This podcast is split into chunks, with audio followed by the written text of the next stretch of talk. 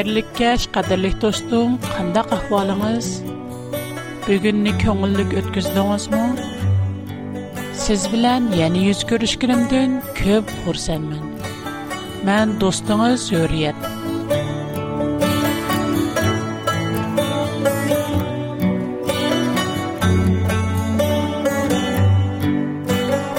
Hayat nimi degan tez dostum. Моши бір апта мән үшін бәк тез өтіп кетті. siz his qildingizmi shaxsan siz va mening esl sovg'atlar programmamizga qadam tashrif qilg'aysiz do'stingiz urug' tuqqan va tanishlaringizni programmamizni birga anglashga taklif qilishingizni umid qilaman programmamiz sizga burun siz bayqamagan yoki sal qaragan mangulik hayotlikni tunishtirib qo'yadi Худаның хақиқи, тоғра мәңгілік сөзлеріні аңлығыныңызда қалбыңыз тәсәлі тапқай. Худаның сөзі программамызның ұлы.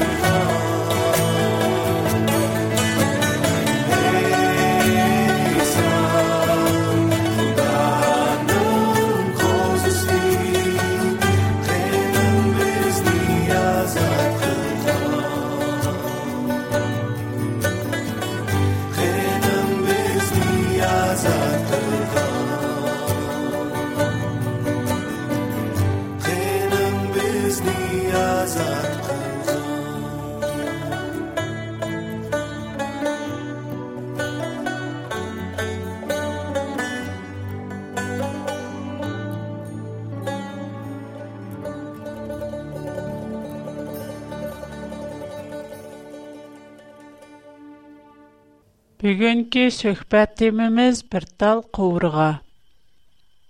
Алладың башка heç мәбуд юқтыр. О, юшырынны, ашқарыны білгічудыр. О, наайты шәпқатліктір, наайты мехрибандыр. Кәң рахмәт егісідір. Сілерні әр аял қылып яраттық.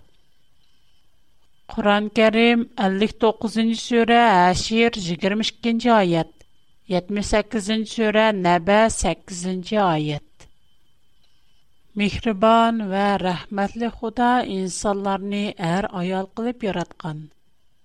Әм әр вә аял отырсыда мүкәммәл пақ достлық шәкіләндіріп, оларға мұқаддәс айлә мұнасөтіні ата қылған. Бірақ ғазырғы жәмет жүр. Hazırkı jemette aile nimägä oxshaydu? Azer acırşeş köp qattem toy qılış, ailestən sirtta başqılar bilen yüşürən, iş tartış, qatarlıq nacar kayfiyatlar əviz geldi. Bunların hämmesi Xudanın uluq və güzel yaradış planına bütünlәisit. Xuda əslədə bir är və bir ayolnik Паг ника монастырене инсалларга берген. Чүнки аял әрнең бер кысымы. Мүқәддәс китап Тавротта бу вакытта мондак дилгән. Киен Пәрвәр дигәр Худа адамның ялгыз яшшы яхшы эмас. Уның лайык булгадек бер ярдәмчемра яртай диди. Буның белән Пәрвәр Худа Һәр хил хайванат ва учар адам атының алдыга уларга исем койсун дип келтирде. Адам ата уларга кандак исем койса шундак аталды. Адам ата барлык учар канат ва хайванларга исем койды. Ләкин уларның арасыдан өзгә лайык булгыдак берәр ярдәмчи һәмра чыкмады. Шуңа парвардигар худа адам атыны каттык ухултуатты. О ухлаватканда худа оның бір тал куврғысын еліп, о ярны күші білән итіп койды. Парвардигар худа алған куврғысын күден бір аял ясап, оны адам алдыга алдыға еліп келді. Адам хошал алда мұндақ деді. Мана. Әмді сөмләге менәң сөгемдән кеше менәң кешемдән әленгән моң охшаш хәл итә ди ке бире булды. Уның аял, чөнки ул әрдин әленгән. Оғыл кызларның ата-анасыдан аерылып бер-береге bağlanып бертән булышы аны шу сабаптandır. Tevrat olamning yaratilishi 2-nji bab 18-nji ayatdan 24-nji ayatgacha.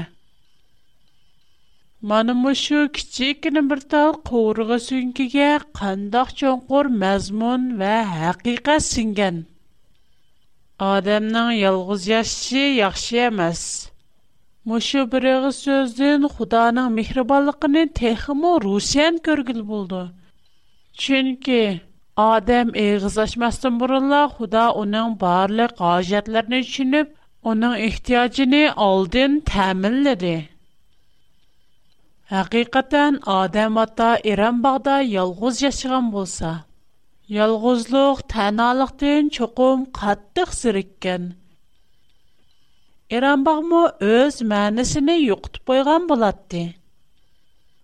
Уның белән эш әмгәктә бергә булдыган өз ара алаклашып бергә фикер йөргизедгән, уның шатлыгы, hoşаллыгыдан тәң бәхрә алдыган, өзе белән тәң күлүп, тәң әңгә кылдырган бер ярдәмче, һәмра булмаса, şөнче güzel иран багмы чукым, уның өчен нәһайити зерекшлик биленгән булады. Şонлашка Худа уның лайық булдык bir yardımcı hemra yarattı. Ayal ərinin ən yəqin həmrahi bulublu qalmay, yəni ərinin ən qabiliyyətlik, ən çivər yərdəmçisi. Ər bolsa, müqaddəs kitab İncil, Korintiliklər gezilgən birinci xət, 11-ci bab, 3-cü ayətdə, ayalının beşi ər, dilginədək, Әр аялның беші һәм башламчысы. Худаның яртыш хизмәте интайын мөкәммәл булып калмай, яна оныңга чоңкур мәналар сиңгән. Худа аялны әрнең беші башламчысы булсын дип, уни әрнең баш сөңгедән яратмыды. "Вәйә ки әрдән пас өрәндә турып, әрнең тапыны астыда харлансун, изылсун" дип әрнең тапан сүңикдә яратмыйды. Бәлки әрнең ялгыз яшы яхшы эмас. Уныңга лайық булсын, ярдәмче, һәмра булсын дип уне әрнең قөврәгә сүңикдә яратты. Худаның мехер мохабыты сиңгән инах бер аиләдә әр ва аялның орны хукукы охшаш булды. Гәрчә әр аялның беши башламчысы булсы мо, әмма аял әрнең иң якын ярдәмче һәм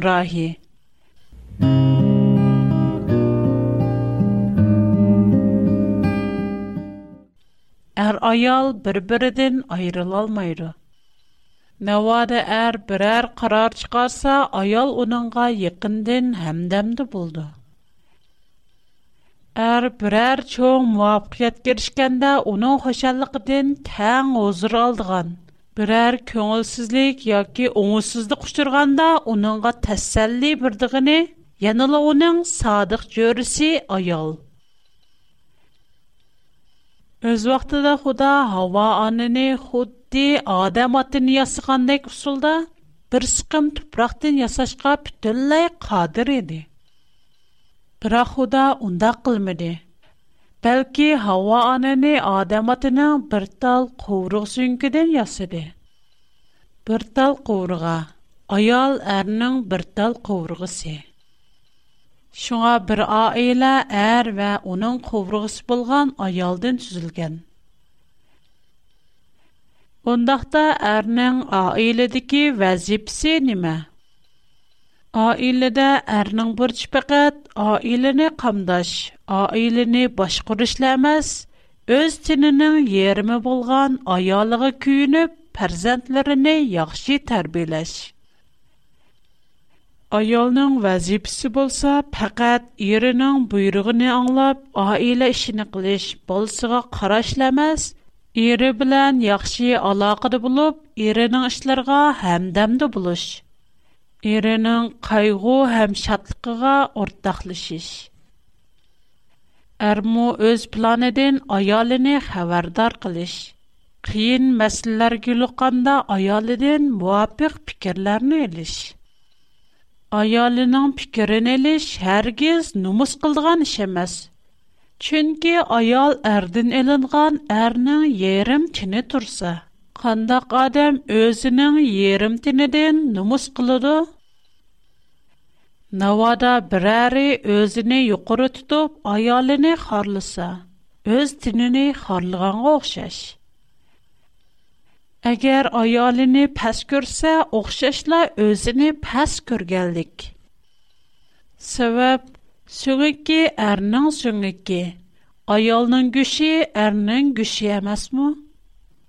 Шуңа адил вә мехрибан Худаның нәзәрдә әр вә аял оқшашлы қадірлік. Muqaddes kitab Tevrat aləminin yaradılışı 1-ci bab 27-ci ayədə aytilğanıdək Bunun bilen Xuda insanı öz obrazidek yaratdı. Onu özgü oxşaydigan qılıb yaratdı. Şundaqlı onlarını ər er və ayal qılıb ayrım yaratdı. Bunundan kürvağılı buldu ki, Xudanın obrazı ər er və ayaldıla tulluq əks etken. Bu yerdə yenə qayta təkidləb ötüşki doğru kildiğan bir məsli var.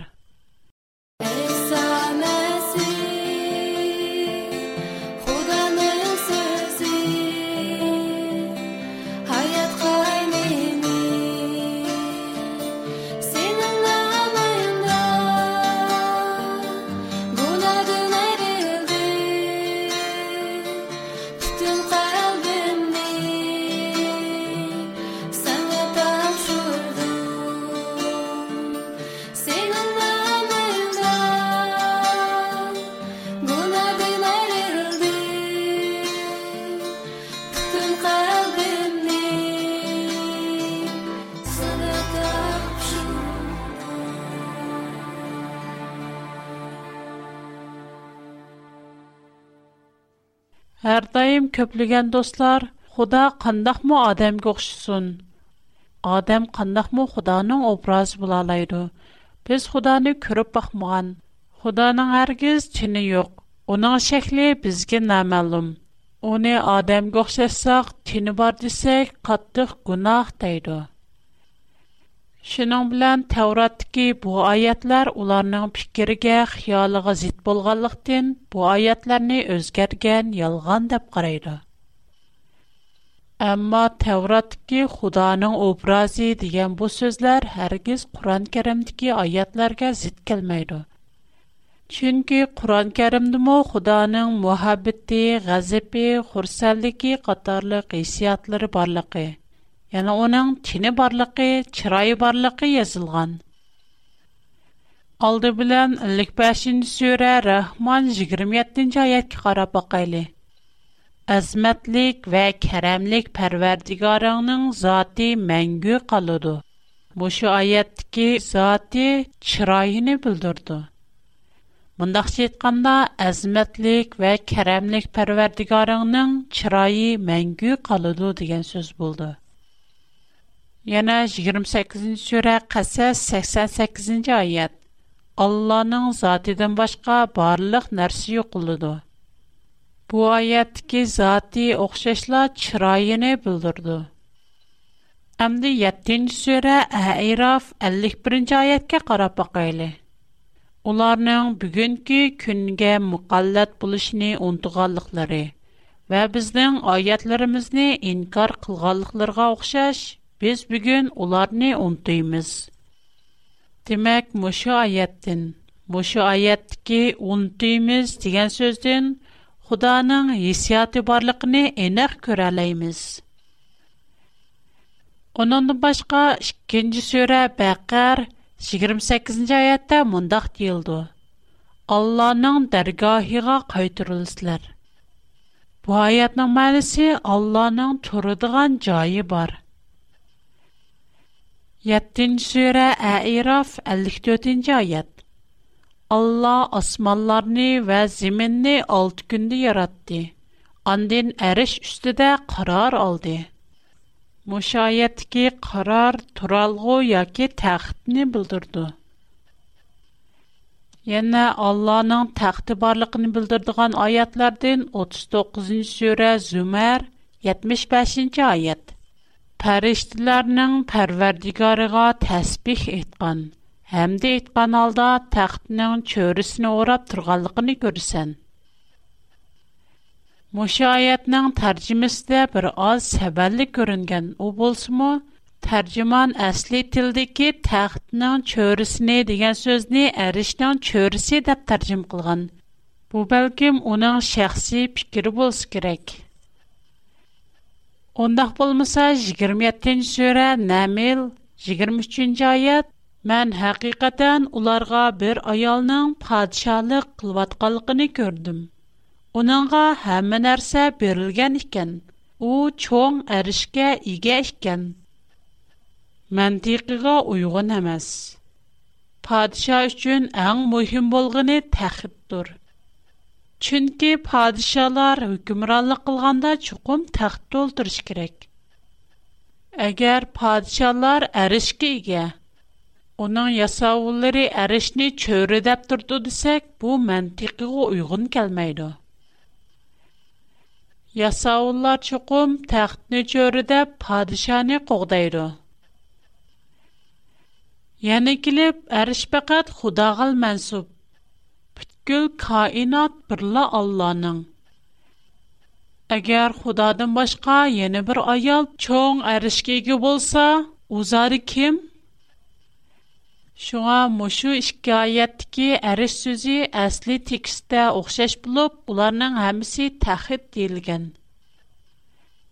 Диме, Куран буйча Худаның тахди бар. 2-нче сүре Бәкәр 255-нче аятка карап бакыйлы. Алла һәмешә тирихтур. Әмне идара кылып торгычыдыр. У мүгдәп калмайды, уни уйку басмайды. Османлардагы ва зиминдәки һәм нәрсә Алланың мүлкедер.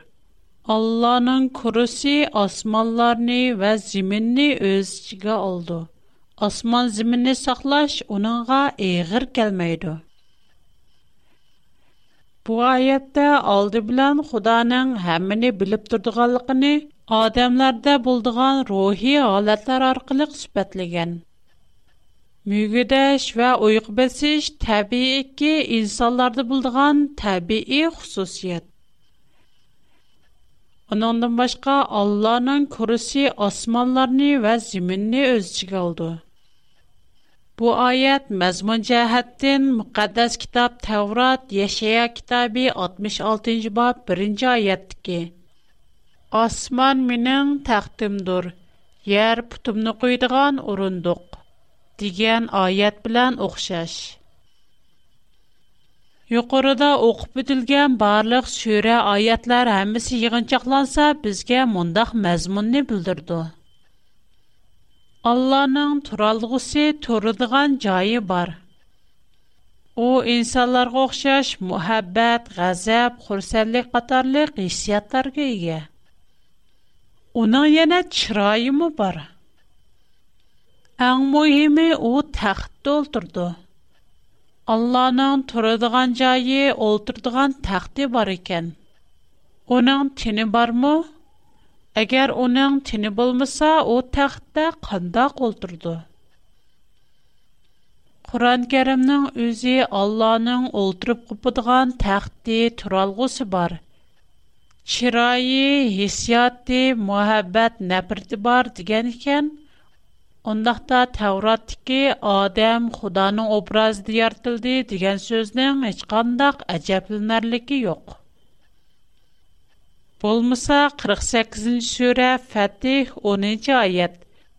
Шөхбсез ки саңа бәйетене кылганлар Аллага бәйәт кылган булды. Дигәнне һәргиз төшенгеле булмайды. Алла интайын улуг. Қандақмы адам Алла белән тәң орынды туралсын.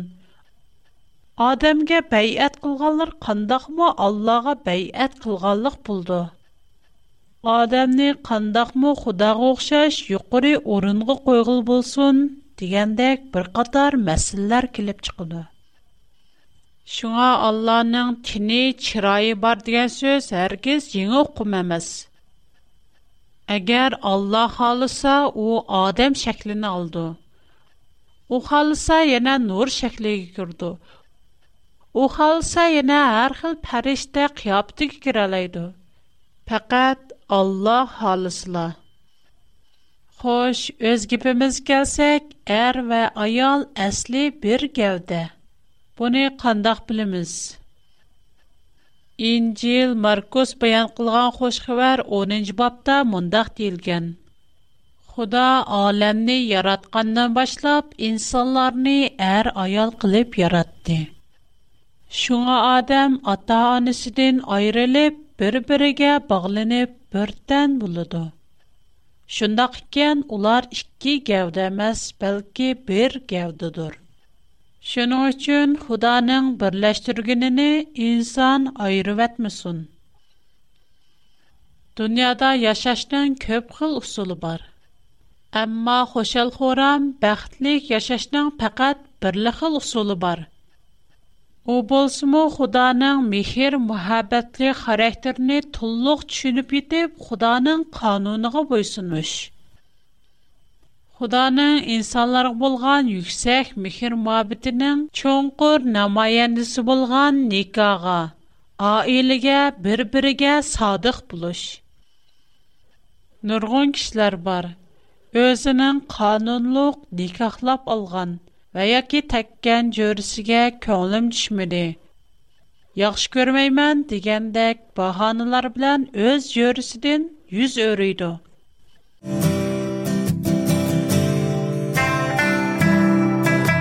Dostum, məndə köpləgən temədəki yaxşı proqramlar var. Məsələn, Xudanın fəziləti, etiqad, qurbanlıq, iman, axirət qatarlıq. Agar yaxshi ko'rsangiz, menga xat yozsangiz, siz xohlaydigan programmani sizga haqsiz avatib beraman. Programma oxirida mening aloqalash adresimni deb bermoqchiman. Qog'oz va qalamni oldin tayyorlab olishni unutib qolmaysiz.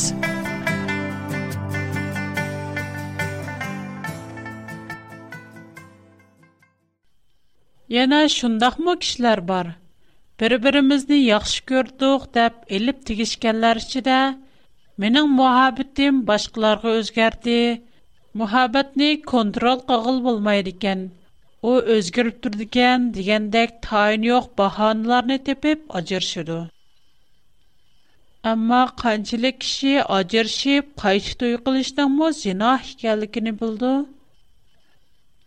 Əxlaq qarışı bo'yicha faqat jo'risidan yoshirin holda boshqalar bilan jinsiy munosabat o'tkazish shalloqlik, zina deb qaraldi. Ammo ajrashib qayta to'y qilishni zina demaydi. Lekin muqaddas kitob bo'yicha qayta to'y qilishmi o'xshashla zina. İncil məttə bayan qılğan xoşxəvər 19-cı bab 9-cı ayətdə bu axtda mondaq deyilgən.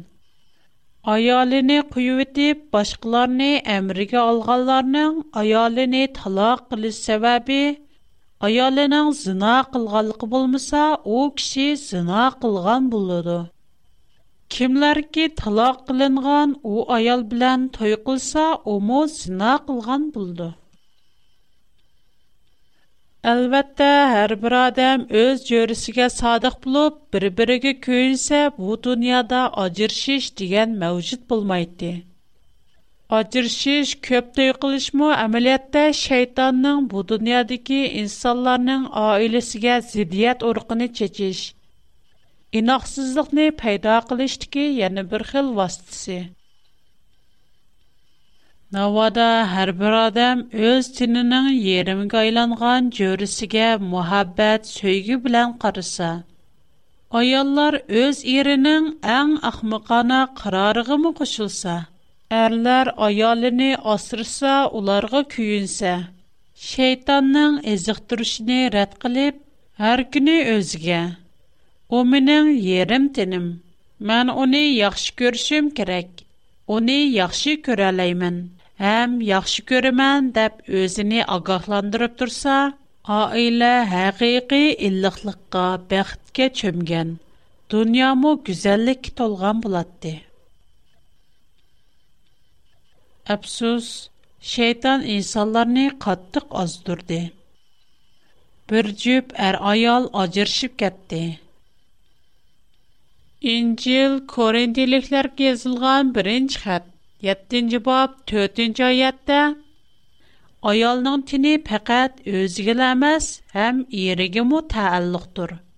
Şunun oxşayışla ərinin tini mə özünə emas, ayalığı mə təalluqdur deyilgan.